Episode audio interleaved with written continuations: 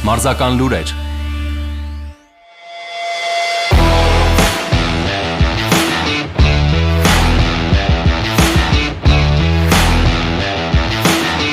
Ֆուտբոլի Հայաստանի ազգային հավաքականը ընկերական խաղում մրցեց Կոսովոյի հավաքականի հետ եւ ավելացված ժամանակում բաց թողեց հաղթանակը։ Գրանցվեց ոչ ոքի 2-2 հաշվով։ Նոյեմբերի 19-ին Հայաստանի հավաքականը Տիրանայում ընկերական հանդիպում կանցկացնի Ալբանիայի թիմի հետ։ Ֆուտբոլային գնդակը, որով 1986 թվականի ֆուտբոլի աշխարհի առաջնության ժամանակ Դիեգո Մարադոնան Անգլիայի դեմ խաղում խփել է իր հայտնի ձեռքով գոլը, վճարվել է աճուրդում։ Գնդակի համար վճարվել է 2 միլիոն 400 հազար դոլար։ Անգլիայի եւ Արգենտինայի հավաքականների միջև կայացած խաղում խփած առաջին գնդակը ամենահայտիներից մեկն է ֆուտբոլի աշխարհի առաջնության պատմության մեջ, քանի որ գրանցվել է Աստծո ձեռքի շնորհիվ։ Վալենսիայի, Ասթոն Վիլայի եւ Նորվեգիայի հավաքականի նախկին ֆուտբոլիստ Ջոն Կայրուն դատապարտվել է 14 ամիս ազատազրկման հարկերից խուսափելու համար, այն բանից հետո, երբ արտասահմանում ունեցած եկամուտն ու ունեցվածքը չի հայտնել Նորվեգիայի իշխանություններին։ Բացի դրանից, 43-ամյա Կայրուն տուգանվել է մոտ 52000 եվրոյով։ Նիդերլանդների հավաքականի գլխավոր մարզիչ Լուի Վանգալը մամուլի ասուլիսի ժամանակ խոսել է խաղային համարների բաշխման յուրահատուկ սկզբունքի մասին։ Նրա խոսքով խաղացողները ստացել են համարներ ըստ իրենց տարիքի։ Աշխարհի առաջնություն 2022-ի առաջին հանդիպումը Նիդերլանդները կանցկացնի նոյեմբերի 21-ին Սենեգալի հետ։ Էի խմբում կխաղան նաև Կատարը ու Էկվադորը։ Արգենտինայի հավաքականն առաջին մարզումն է անցկացրել Կատարում, պատրաստվելով նոյեմբերի 20-ին մեկնարկող ֆուտբոլի աշխարհի առաջնությանը։ Ալ-Նահանյա ստադիոնում կայացած բաց մարզմանը հետևելու են եկել 10000 երկրպագուներ։ Լեո Մեսին մարզվել է հատուկ աշխարհի առաջնությունում հանդես գալու համար Adidas-ի պատրաստած ոսկե խաղակոշիկներով։ Messi is denied! The small nation stands tall!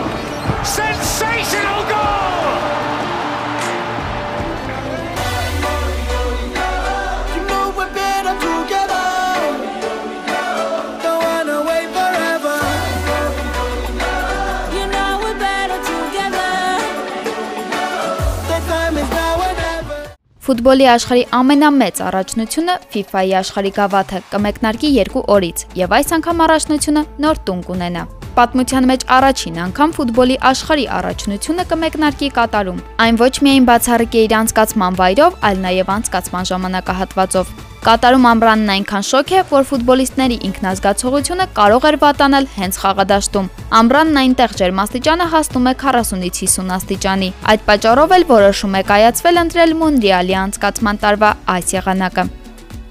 Կատարը, որը հայտնի է իր առատաձեռն արաբական հյուրընկալությամբ եւ զբոսաշրջային տեսարժան վայրերով, խոստանում է անցկացնել երբևէ ամենաթանկ առաջնությունը։ Դեռ 1 տարի առաջ մարզադաշտերի, մետրոյի, օթանավակայանների, նոր քաղաքի եւ նավահանգստի կառուցման ծախսերը գերազանցել էին 200 միլիարդ դոլարը։ 2017 թվականին պարզ էր դարձել, որ Կատարը շաբաթական 500 միլիոն դոլար է ծախսելու մրցաշարի նախապատրաստության վրա։ Ռուսաստանը 2018-ի աշխարհի առաջնության անցկացման Հայաստան վրա ծախսել էր 18 անգամ ավելի քիչ գումար, իսկ մրցաշարի շնորհիվ վաստակել ավելի քան 850 միլիարդ ռուբլի։